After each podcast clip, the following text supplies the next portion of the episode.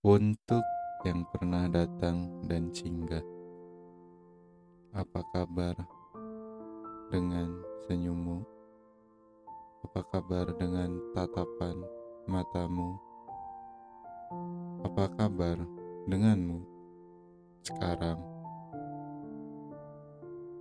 Kita dipertemukan dengan waktu yang tidak tepat. Aku tahu ini. Terima kasih untuk beberapa bulan, hari denganmu. Aku bisa merasakan apa itu cinta,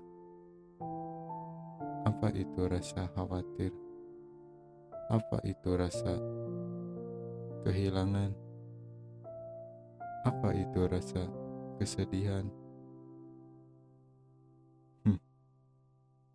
Menyakitkan memang.